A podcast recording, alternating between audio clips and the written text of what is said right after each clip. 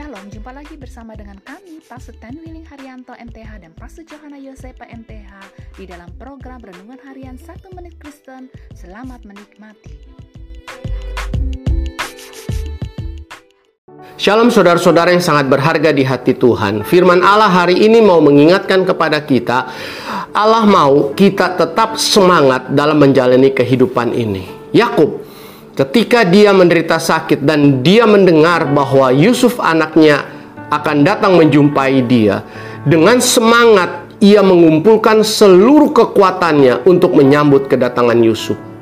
Hari ini, jika engkau sedang menghadapi persoalan yang begitu berat, yang membuat engkau begitu letih lesu, dan engkau berkata, "Beban ini begitu sangat berat." Ingatlah satu sikap yang harus kita miliki untuk menghadapi segala sesuatu itu adalah semangat. Sebab dengan semangat kita tidak akan menyerah dalam menghadapi hidup ini. Dengan semangat kita akan memiliki sikap optimis. Dengan semangat kita dapat melihat kesempatan demi kesempatan yang Allah sedang dan telah sediakan. Hari ini tetaplah semangat dalam menjalani hidup ini sebab Allah selalu berjalan bersama dengan kita. Amin.